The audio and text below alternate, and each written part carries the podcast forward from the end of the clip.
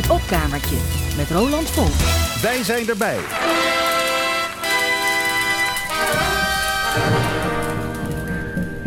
We're going deep into the jungle. We need 40 good boys and one good head man. I send Tonga, my best head man. But first we have welcome dances for you. Come now. The chief is very proud of his tribesmen and likes to show them off. It wouldn't be good policy to offend him. And why a bother? Way down south, way down in Borneo, there's a wild dance called the Borneo. Way down on Borneo Bay. Even though you've got a corneo, you'll dance till the break of dawnio, right down old Borneo way. Wild man Sam with his clothes all torneo, toot toot toots on his bamboo horneo, and the bamboo babies start to sway. When you see them do that Borneo, you'll just put your jewels in Borneo, way down on Borneo Bay. Oude jazzklanken aan het begin van deze wat afwijkende aflevering van Het Opkamertje. Oude jazzklanken en een, ja, een tekst die inmiddels balanceert op het randje van politieke incorrectheid.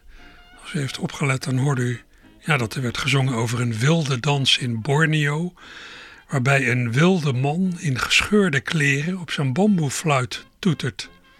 Nogal een clichébeeld, waar vandaag de dag al snel het predicaat neerbuigend op zou worden geplakt. Maar goed, wat u hoorde komt dan ook uit 1928. Ik draaide een klein stukje van het nummer Borneo, geschreven door Walter Donaldson, uitgevoerd door het orkest van de Amerikaanse jazz-saxofonist Frankie Trumbauer. Frankie Trumbauer, die geldt als een van de belangrijkste jazz-saxofonisten van de jaren 20 en 30 van de vorige eeuw. Ik trof deze opname op een van de compilatie-CD's en LP's van de Rotterdamse DJ Blue Flamingo, artiestennaam van Zia Ertekin. Zia verzamelt allerlei uitheemse muziek op 78 toerenplaten en daarmee luistert hij al jarenlang allerlei gelegenheden op, stevast in kleding die past bij de jaren 20 en 30. Best mogelijk dat u Zia DJ Blue Flamingo wel eens eh, bent tegengekomen bij een of andere gelegenheid. Hij is een opvallende verschijning. En de muziek die hij draait is ja, niet alledaags. Ik was ook al heel lang van plan om eens aandacht te besteden aan deze collega-verzamelaar. Nou, dat plan voer ik in dit uur uit. Zia Blue Flamingo vult het hele uur. En dat mede naar aanleiding van iets opmerkelijks waarmee Zia een paar maanden geleden naar buiten kwam. Iets waar ik echt van opkeek. Daar gaan we het zo over hebben bij Zia thuis. En dat is niet meer op het Noordereiland, waar hij jaren heeft gewoond, maar in een keurige Rotterdamse, nou, min of meer nieuwbouwwijk, waar hij inmiddels is neergestreken met vrouw en dochtertje. En dat ik een Rotterdamse DJ verwelkom in het opkamertje en niet in Archief Rijmond, heeft te maken met de muziek waarmee ik ons gesprek lardeer.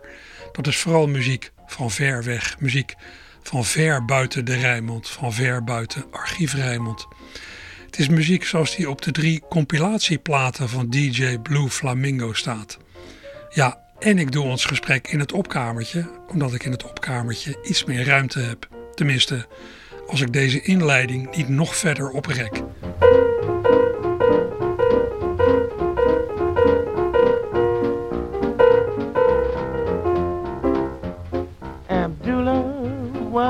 king of Amazula.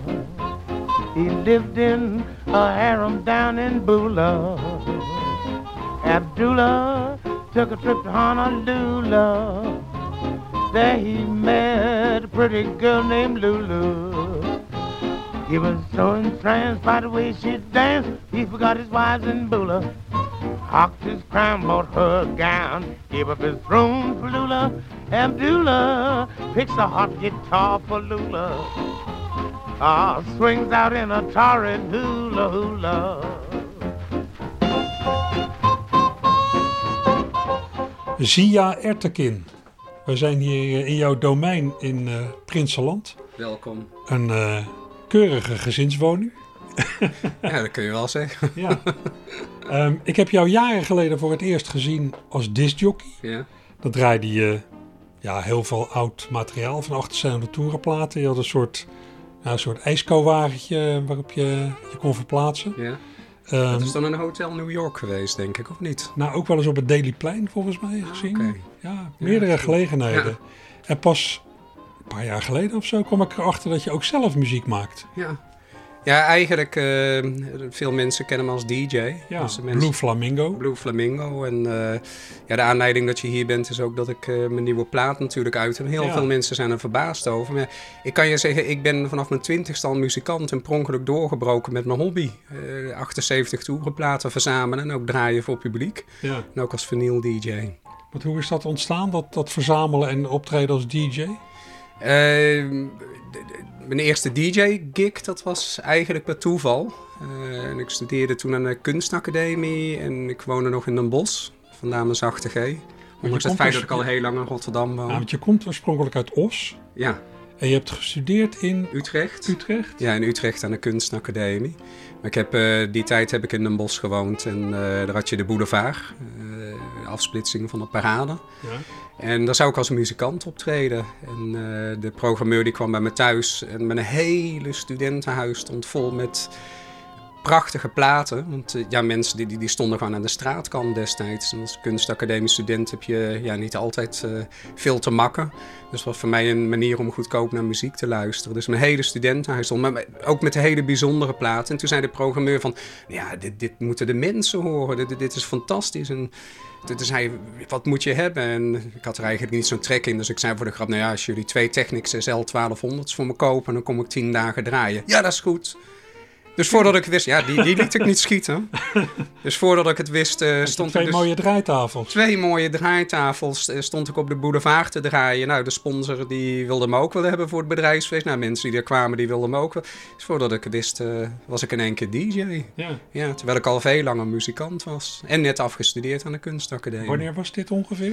Dit is eind 90s, moet dat zijn ah, geweest. okay. De eerste keer boulevard, dat was 1998. En... ja, mensen vonden mijn sound echt uh, uh, te gek. Er was natuurlijk geen Spotify uh, of, of serieus internet. Dus ja, mensen die zeggen, waar kan ik die muziek krijgen? Dus dan ging ik zelf allemaal van die bootlegs in elkaar plakken. En in elkaar zetten. En dat werd dan ook een ding. Die verkocht ik dan uh, onder de draaitafels door. Ik wilde Ja, zeggen ja, ja. toonbank, maar dat waren mijn draaitafels. Ja, dus zo is het begonnen. Dus eigenlijk mijn eerste verzamelplaat, want die heb ik natuurlijk ook voor Excelsior Recordings gemaakt. drie LP's gemaakt met allemaal van die ja, exotica en oude jazz dingen zo die je verzamelt. Op 78 toer inderdaad. Wa- de, eerste voor Excelsior was eigenlijk officieel mijn vierde. Dus er waren al drie bootlegs aan Oh, vooraf gegaan. Ja.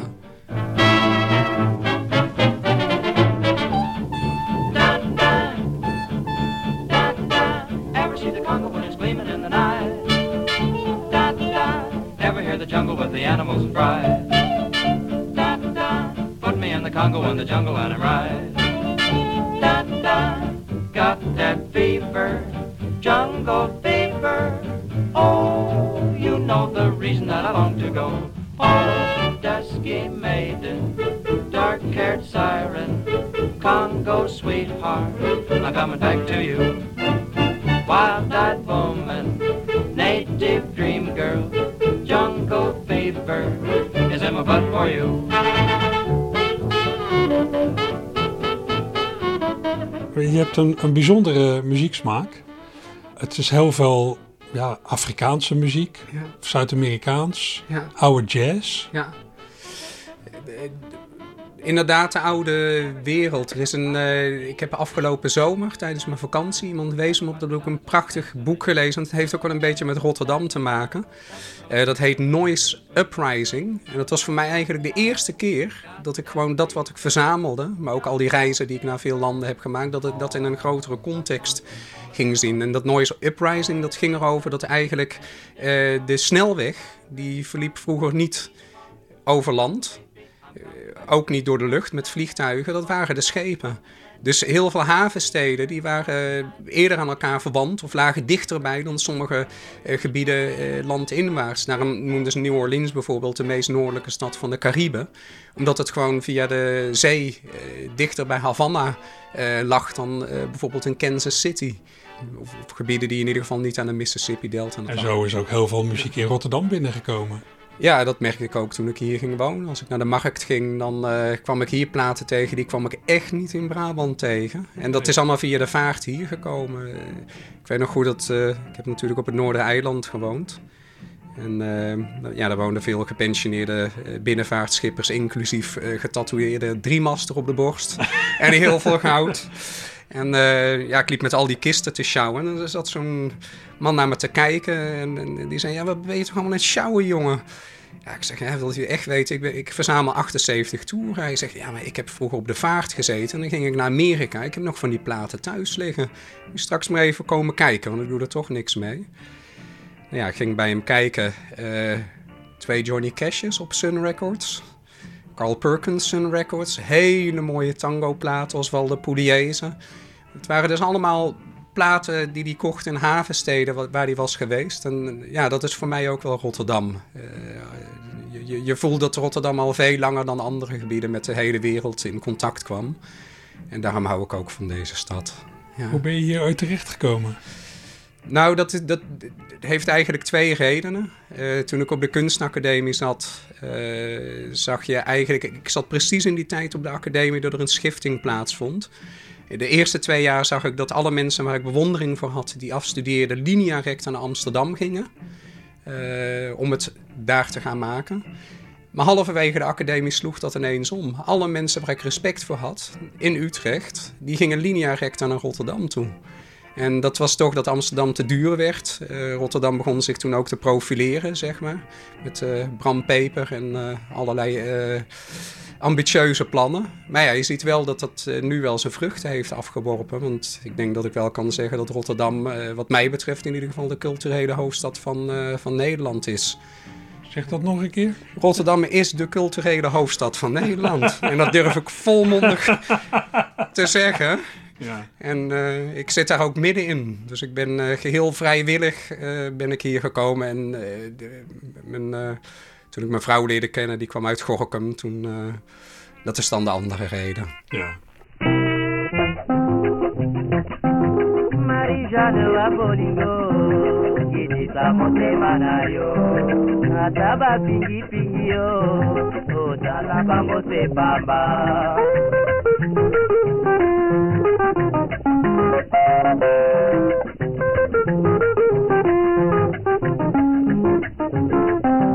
Marijane wa bolingo Yedisa motema na yo Ata bapingipingi yo otala bango se pamba motendo na ye azali na tango ya kopinga ngai te tango mosusu ndondi bango e Die naam, Blue Flamingo, Mhm. ja, dat is de naam waaronder je altijd als DJ bent opgetreden. Die Ja. komt ook uit Rotterdam, toch?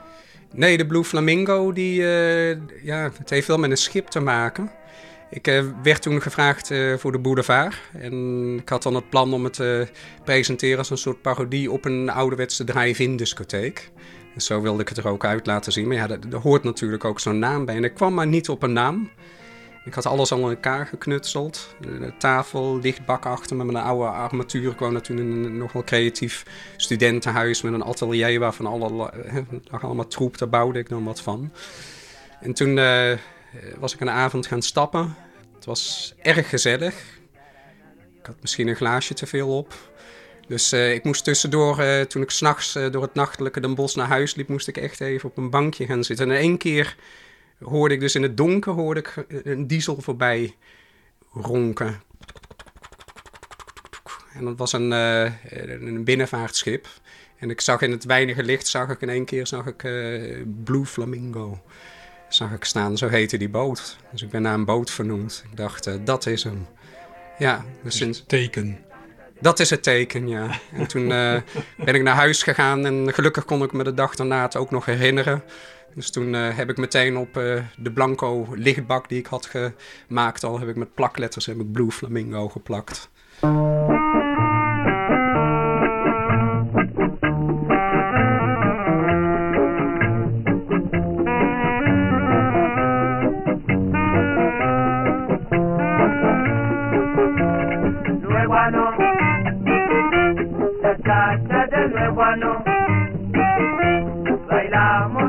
de amigos que un poco, no hallemos mi palabra. Rebuano, cachacha del nuevo ano.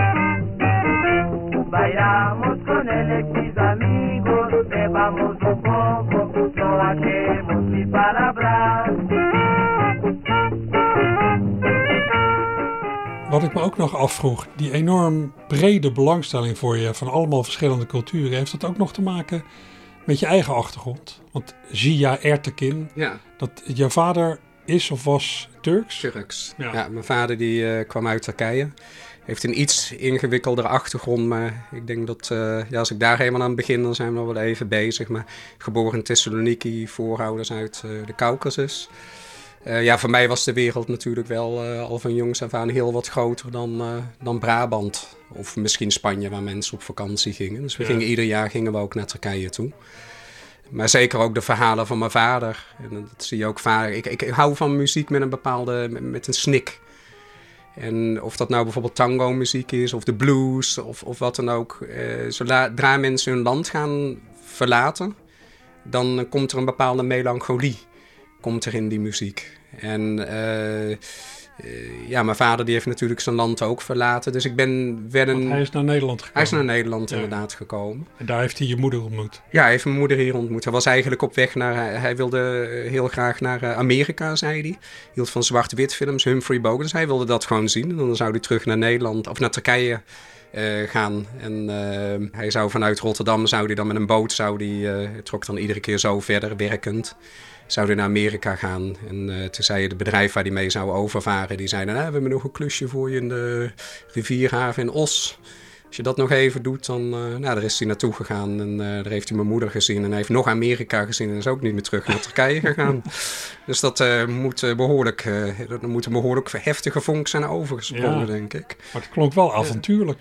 Ja, het klonk heel avontuurlijk. Dus dat, dat heb ik denk ik wel van mijn vader. Ja, ja. Ja. Ja. En mijn moeder ook natuurlijk. Die eh, is toch in, in een hele andere tijd met een Turkse man getrouwd en eh, heel vaak daar naartoe gegaan. Ik ben bang dat ik van twee kanten heb.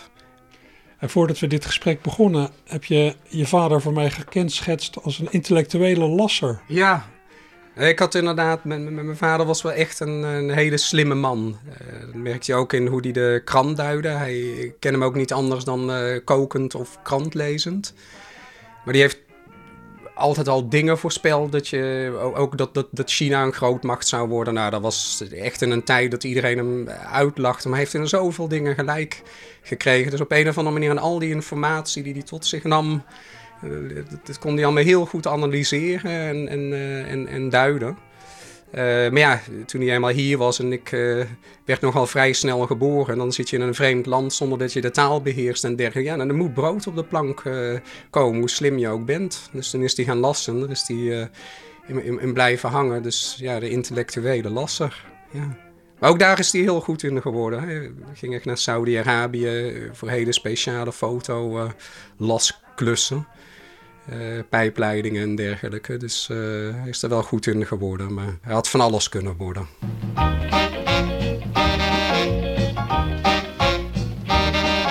Two hot lips and seven kisses, mambo.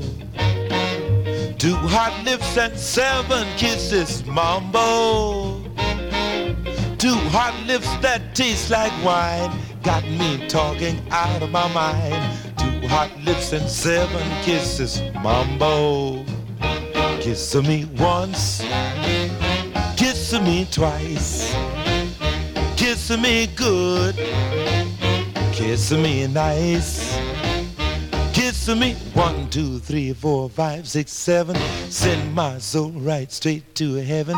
Two hot lips and seven kisses. Mambo.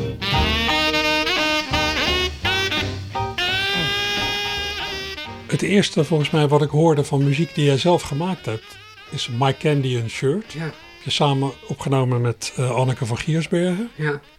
Dat vond ik meteen geweldig. Ja. En ik was echt helemaal overdonderd. Ik dacht, die gozer die altijd plaatjes draait, die kan het zelf ook. Ja,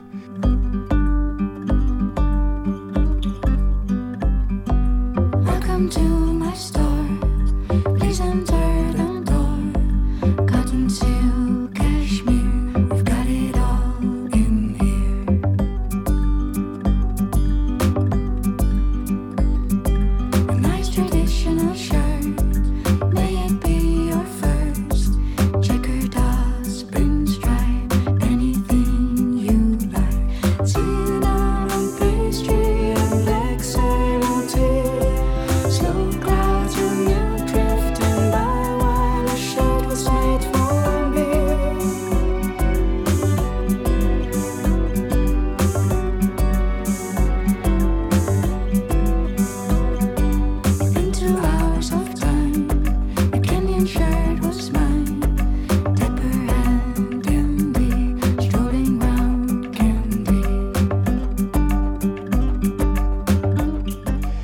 Ja, eh, wat ik zeg, heel veel mensen eh, waren daar versteld over. Ehm, nu heb ik, voordat mijn eerste verzamelaars voor Excelsior uitkwamen, en het allemaal een vlucht neem, want ja, je kan toch wel zeggen dat ik binnen de marge eh, toch wel wat, eh, dat, daar wel wat gebeurd is. Ik bedoel, eh, die, die verzamelalbums die hebben me tot aan Roskilde in Denemarken, Salzburg, Jazz Festival, Parijs, eh, heeft het me allemaal gebracht. Maar ja, door, door die verzamelaars die hebben er ook voor gezorgd dat eh, met name het muzikantschap een beetje ondergesneeuwd is geraakt.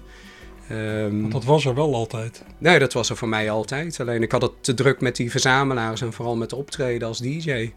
Want hoe ben je dan zelf begonnen met muziek? Ehm, nou ja, het- het- mijn moeder die zei altijd van... Jij kon al zingen voordat je kon praten. En ik vond dat zo'n broodje aap verhaal... totdat ik dus een dochter kreeg die eerder kon zingen dan praten. Oké. En eh, dus het, be- het bestaat echt. Dus het is wel heel intrinsiek. Ik denk, het, komt, het komt echt vanuit mezelf.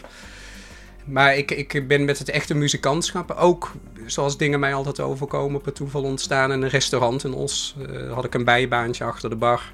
Dat was een Italiaanse gitarist. En eh, op een gegeven moment toenmalige vriendin zei, ja, hij kan ook gitaar spelen. Dat was de eigenaar, oh, speelt hij ook gitaar? De Italiaan, oh, dat willen we wel zien. Dus ik kreeg een gitaar in mijn handen gedrukt. En eh, voordat ik wist, zat ik op een kruk. Zong ik een liedje, durfde niemand aan te kijken. Ik keek echt naar mijn schoenen. En ik was klaar en ik keek de zaal in. En ik zag iedereen met een mond openstaan. En de eigenaar die zei, mooi, we hebben een nieuwe muzikant. Dus vanaf dat moment heb ik nooit meer achter de bar hoeven te staan. Dan was ik twintig. Welk Twee- liedje was dat? Weet ik niet meer. Het zal wel iets van Neil Young of Bob Dylan zijn geweest. Daar was ik toen helemaal weg van. En eh, twee weken daarna zat er iemand van een artiestenbureau. Eh, dus in de derde week na mijn debuut eh, reed, eh, ging ik al door het land om, om, om op te treden op allerlei gelegenheden. En, ja, ben ik ook liedjes gaan schrijven, ook opgenomen. Eh zet ik de meest onwaarschijnlijke muzikanten al bij elkaar. Eh, zoals bijvoorbeeld Koen van Orsouw, de accordeonist van Johnny Jordaan. En heeft ook eh, Charles Aznavour, Edith Piaf, Jacques speelde je al Brel. heel snel mee samen. Ja, daar, daar heb ik toen ook een EP mee opgenomen. Maar ja, toen kwam dus die beruchte eerste verzamelaar voor Excelsior. Maar ik ben wel blij dat het er nu uit is. Ik, het voelt voor mij wel, ik, ik ben echt een muzikant in hart en nieren, Ja, ja, ja. kan ik zeggen.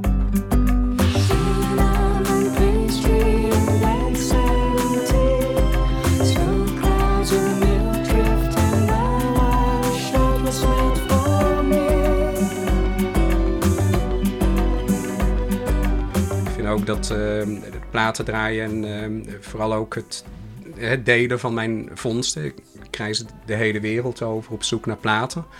En ik doe ook eh, als amateur onderzoek naar muziekgeschiedenis. En dat wil je dan toch delen met mensen. Maar als ik in de studio ben, waar we dus nu staan, een studiootje.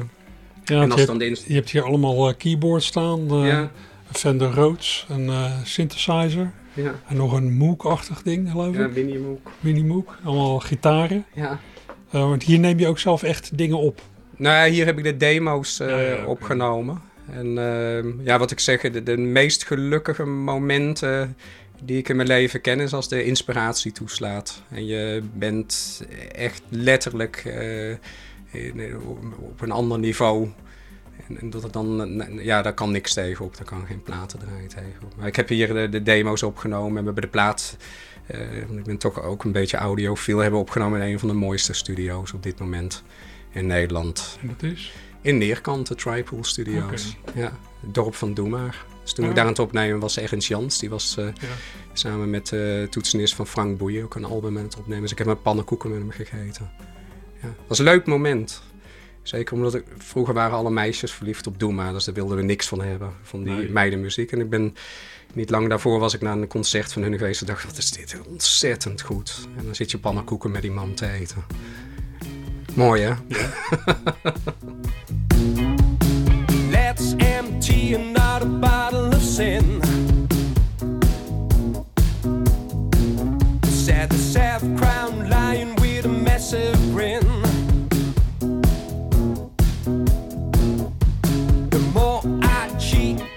The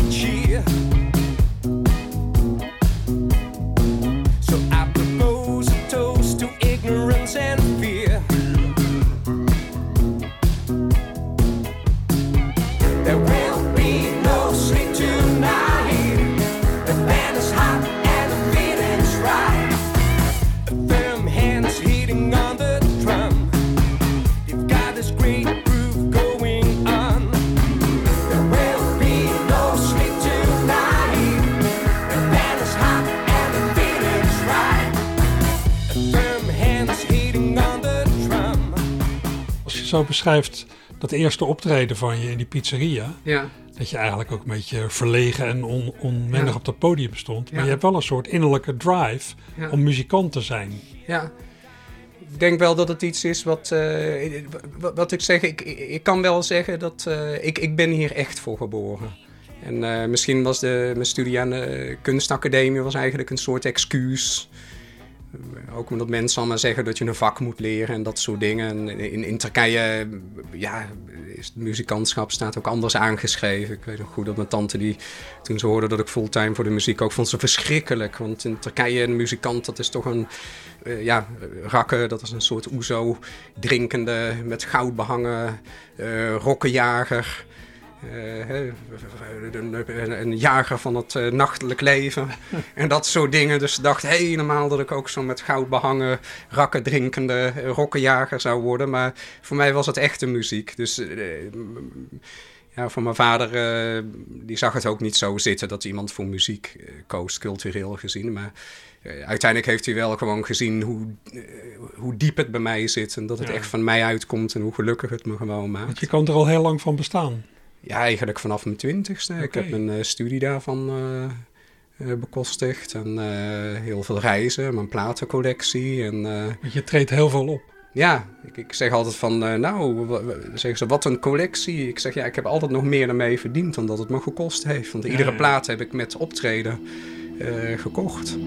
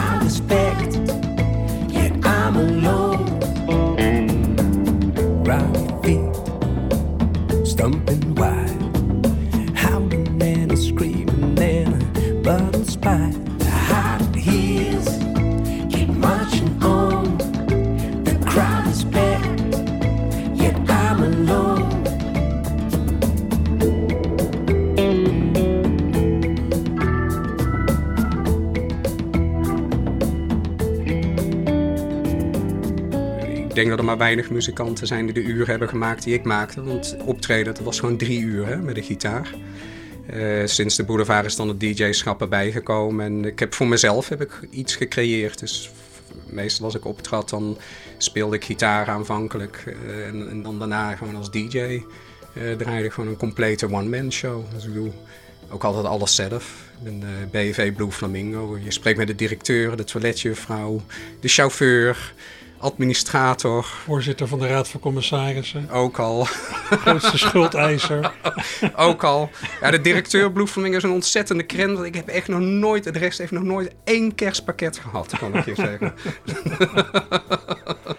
Hey, maar je, je bent al min of meer bekend geworden als DJ Blue Flamingo, maar je treedt nu wel op onder je eigen naam. Eh, nee, ja, dat is ook een ding.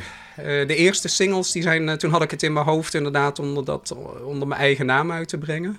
Eh, dus dat werd dan My Candy and Shirt Zia Echtekien werd dat. Alleen kwamen er gaandeweg achter dat mensen me zo kennen als Blue Flamingo en met name ook de pers. Ja. Dat, het was mensen helemaal ontgaan dat er iets van me uit was. Oké. Dus dan sprak ik iemand van, heb je mijn nieuwe single? Je nieuwe single? Ja, zie je echt. Ja, nieuwe, dat weet ik toch niet. Blue- Flamingo. Dus toen hebben uiteindelijk besloten om dan de derde single... en ook de, het album onder Blue Flamingo ook uit, Oké. uit te brengen.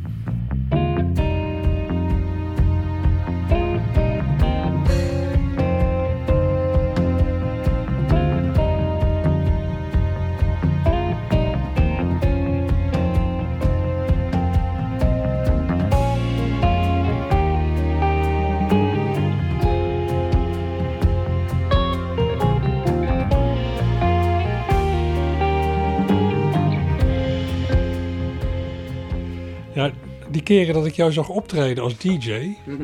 dan strak in het pak. En eh, ja, zoals ik denk ook nu met fraaie two-tone shoes, Ja. leek je zo weggelopen uit de jaren 20, 30. Ja. Is dat alleen maar een rol voor als je optreedt, of is dat wel iets wat in het algemeen aan je kleeft? Eh, net zoals mijn eh, vader eh, keek ik vroeger al gefascineerd naar zwart-wit films. Ook van Humphrey Bogart. En ik dacht altijd al gewoon als jonge tiener, dacht ik als ik later groot ben... dan wil ik er ook zo uitzien. Met bretels en two-tones en met een mooi pak. En dat soort eh, dingen. Maar het is ook omdat je die 78 toerenplaten verzamelt... kom je ook in een hele andere wereld. Dus met mensen als Duke Ellington, Cap Calloway... eh, nou, noem maar op. Eh, mensen die eruit zien om door een ringetje te halen. Dus ik heb een heel ander referentiepunt. Eh, Ja, ja. Kijk, de Maar in, meeste het mensen... in het dagelijks leven, nou, ik bedoel, je ziet er nu ook heel netjes uit. Ja. Maar, maar niet, niet zoals je wanneer je optreedt. Nee, nee, ik was aanvankelijk toen ik nog op het Noordereiland woonde en geen vader was, ging ik niet de deur uit zonder hoed als dandy. Eh, zeg maar. Overtuigen dandy. Maar dat, dat leer je als vader leer je dat snel eh, af. Ik weet nog goed het verhaal dat ik ergens stond op te treden. Op een podium notabene. En kwam, na, nadien kwam er iemand naar me toe die zegt hartelijk gefeliciteerd. Ik zeg, eh, waarom gefeliciteerd? Ja, met je, met je kind. Ik zeg, met mijn kind, hoe weet je dat? Ik zeg, trek je jasje maar uit. Kijk maar even achterop, trek ik mijn jasje uit. Echt, voordat ik ging optreden had ik mijn kind, die had geboerd. Maar er was behoorlijk wat melk uitgekomen. Helemaal achterover mijn jasje. Op je schouder. Op, op mijn schouder. Een heel een boerspoor. mooi Brioni jasje. Kon zo naar de stomerij. dus het, eh, het, het dandyschap eh, leer je zo wel een beetje eh, af. Maar ik vind het nog steeds wel heel, heel fijn om ook privé een Oxford bag te draaien. Zo'n jaren twintig broek. En, Ja. Maar je hebt toch ook iets in mode gedaan, of misschien nog? Ja, ik heb mode vormgeving gestudeerd. Aan eh kunstacademie. Dus vrije kunst was nog een brug te ver van mijn eh, lieve Turkse vader. Maar eh, kleermakers daarentegen staan een hoog aanzien natuurlijk in Turkije. Dus mode vormgeving, dat, dat, dat kon dan nog wel. Heb je daar ook echt in gewerkt nog? Ik, heb als mode, ik ben een van de weinige mensen die aan de kunstacademie mode vormgeving hebben gestudeerd. Die ook echt als ontwerper hebben gewerkt. Oké. Ja, dus dat heb ik gedaan. Dat was ontzettend leuk voor een bedrijf die korte termijn trends volgde. En eh, zeker omdat het internet toen nog niet heel groot was, eh, ja, moesten we dus echt daadwerkelijk op kosten van de baas naar Londen. Gewoon om te stappen en rond te kijken. Superleuk. Ja. Kan erger. Ja, zeker. Maar ja, muziek. Dan kom je gewoon op een punt dat je en modeontwerper bent en in de weekenden optreedt. En dan, eh, ja, eerder moet nu iemand naar Polen, de productie is vastgelopen. Ja, ik zeg, ik, kan, ik, ik heb een optreden staan. Ja, voordat je het weet werk je gewoon zeven dagen in de eh, week, dag en nacht. Dan kom je gewoon op het punt dat je moet kiezen. En ik zeg al, eh, mode is een liefde, maar muziek is een passie geen moment spijt van gehad. Ik kan echt geen dag zonder muziek. muziek. Ik denk muziek, ik drink muziek, ik droom over muziek. Als ik geen muziek luister, lees ik boeken over muziek of kijk ik naar documentaires over muziek. ik denk in muziek. Ik adem muziek. Alle, muziek is alles. Ja.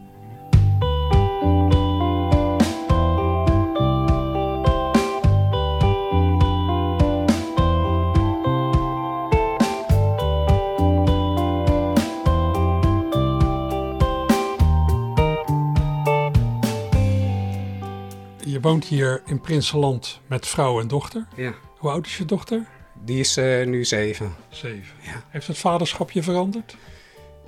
Eh, nou, sowieso omdat eh, hoe belangrijk muziek ook voor me is. Er komt op stip komt er iets op één binnen. Kijk. En je voelt ook dat, op, dat, dat, dat dat voor de rest van je leven op één staat. En dat er dan heel veel tussen zit. En betekent muziek dan minder voor me? Nee, absoluut niet. Het is nog precies hetzelfde. Maar Maar is het was wel wel een bijzonder moment om vader te worden. Ja, het, het plaatst alles eh, in een hele andere context. Dus eh, ook, ook, ook de muziek. Alles wordt relatief. Maar ik vind op een hele positieve, positieve manier. Je bent eigenlijk nog vrij laat vader geworden dan. Ja, ik je heb bent van 69? dus- 69. Dus, je bent nu 53, Ja, 52? 52. Ja. Ja, wrijf het er maar in. Nee, dat is allemaal wijsheid. ik vind het dan toch mooi dat je op je 52e nog op eh, eh, Radio 3 wordt gedraaid met je plaatje en dergelijke. Kijk. Dus eh, dat is heel mooi. Ik, draai altijd alles om. Dus in de tijd dat je jong bent, ben je 78 toeren. DJ, krijg je in één keer heel veel bejaarde vrienden en dergelijke. Ja, nu dus popmuziek. Dan platen die op Radio 3 eh, ook, ook gedraaid zijn. Dus ja, mijn marathon op mijn 80ste dan, denk ik, toch?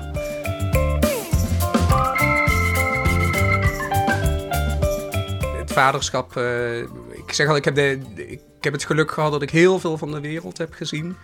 En heel veel muzikale hotspots, drie maanden Afrika, New Orleans, Mississippi, Delta, Cuba, noem maar gewoon. Allemaal achter de muziek aan. Allemaal achter de muziek aan, achter platen aan. Vooral achter goede verhalen aan.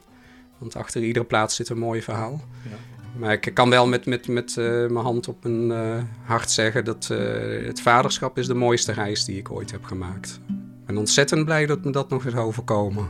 Op mijn leeftijd. One ring star took me away.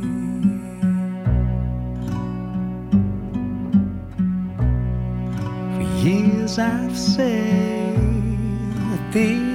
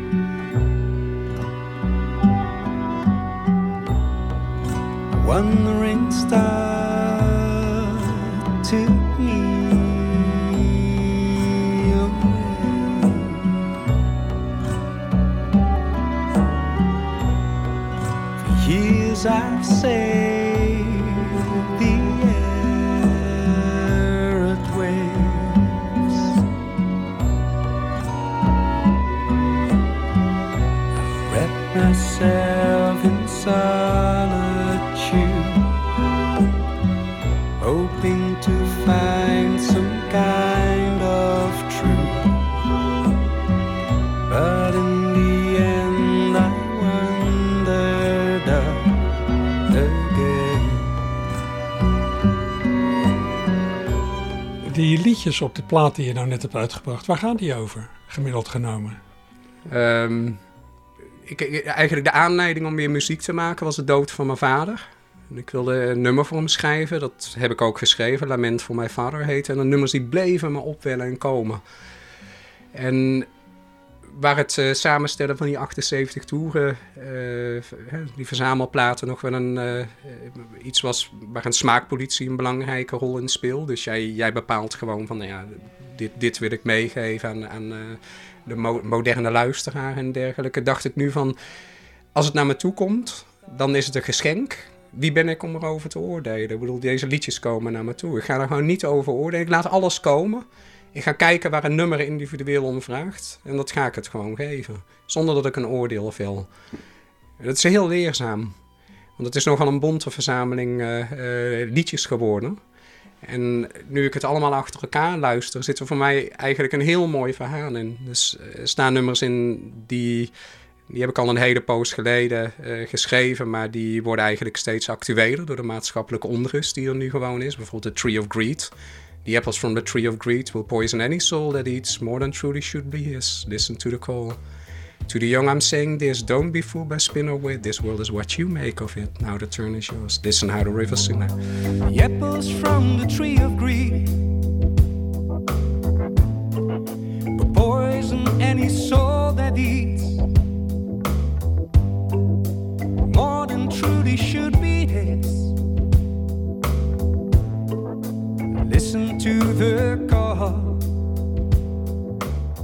Predators Ball natuurlijk, gaat er ook over. Het bal van de roofdieren. Maar ook hele persoonlijke liedjes, net zoals eh, My Candy and Shirt bijvoorbeeld, waar je net over had. Dat is dus echt letterlijk zo gebeurd. Op eh, Sri Lanka waren we in de stad Candy. En met mijn modo-achtergrond moet ik toch altijd even in stoffenwinkels kijken. Dus ik liep langs een prachtige stoffenzaak en stond een man bij de deur die zegt... Hi, welcome to my store, please enter the door. Cotton, silk, cashmere, we've got it all in here. Ik zeg tegen mijn vrouw, dit moet ik opschrijven, dit is goed. Dus de eerste twee zinnen van dat liedje, dat is gewoon letterlijk wat die man heeft gezegd. Welcome to my store.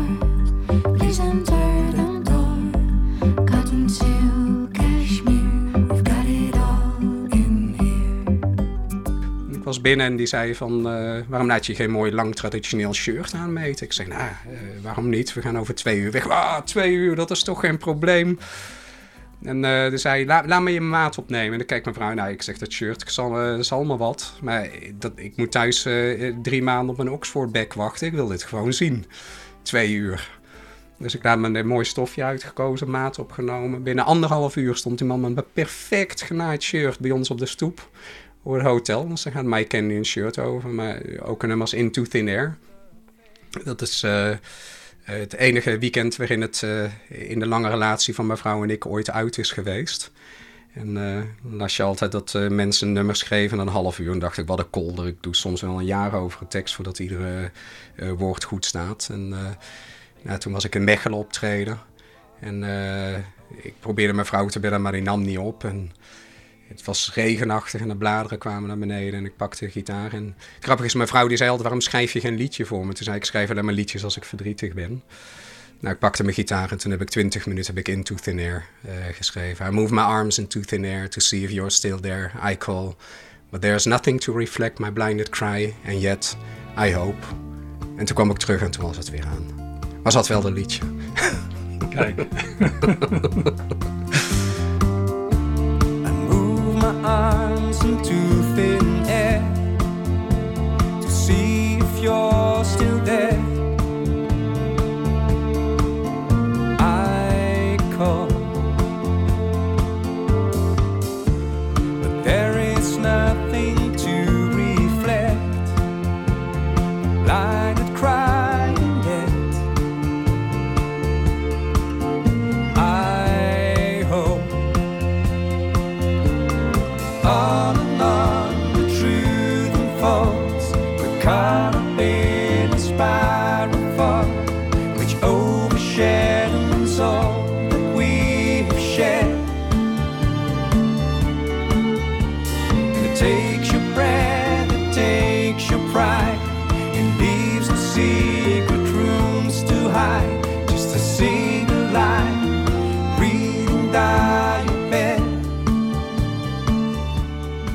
En je volgende plaat, Oh jee, Doe je dan- zitten we daar nu doe je, doe je dan in het Nederlands? Dat ja, dat zou wel vinden. mooi zijn. Ja, alleen het is jammer, want dan kunnen de familieleden van mij in Turkije me niet verstaan. nee. is heel jammer. Dan sluit je ook heel veel mensen uit. Hè? Ja. Mensen die zeggen van, eh, ik vind eigenlijk Nederlandstalig heel mooi. Dat mensen zingen hun eigen taal. Ik vind het prachtig. Eh, zeker als mensen heel goed kunnen tekstdichten. Dan komt het nog harder binnen. Maar je sluit ook heel veel uit. Nederland is heel klein, Ja. vind ik. En ik woon in Rotterdam. En Rotterdam is een havenstad en stond met de hele wereld in, eh, Ja, in contact. Nee, wat ik eh, wel heb geleerd met dit album. En dat is ook iets, want ik heb iets met een Zambiaanse rapster ook opgenomen. Rachel Botna, ook uit, eh, eh, hier uit Rotterdam. Wako ungafune yako chalo chavuta osaleka kulila balila lila. Uziva bazako bavutika tena bafuna tabetikondi mupaya na paya na mafuta.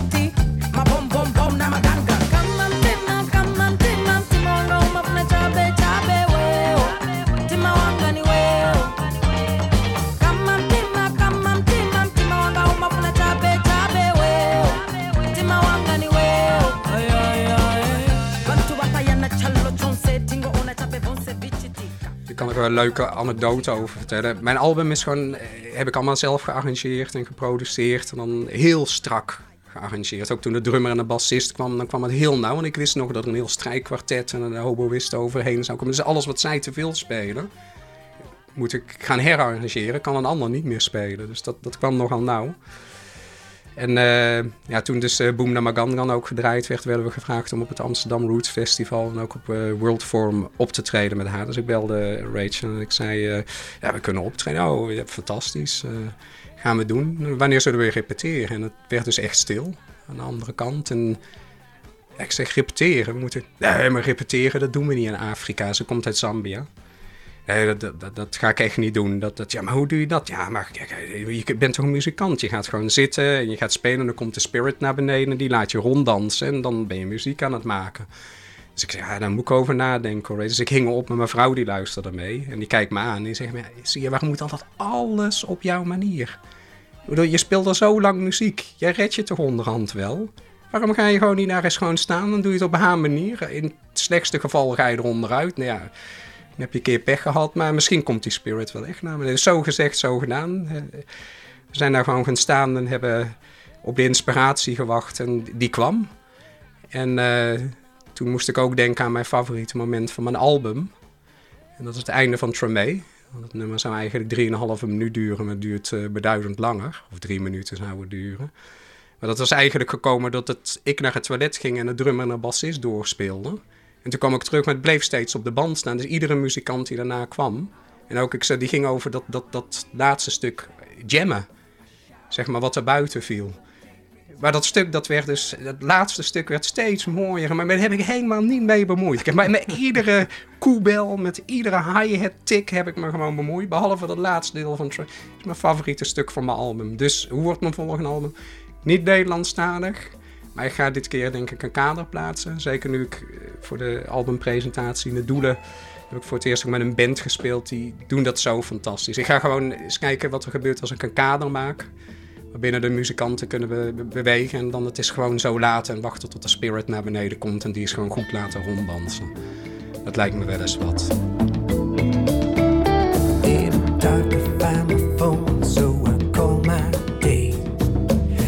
Honey, start without me, I'm a little late.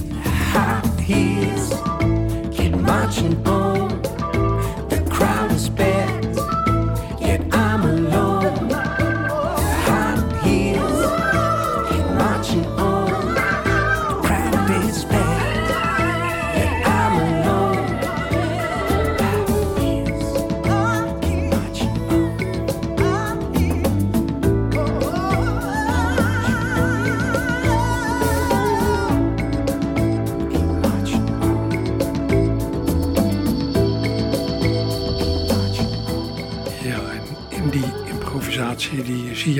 Ertekin, DJ, DJ Blue Flamingo, zo treft, eh, ja, daarin eindigen we dit uur.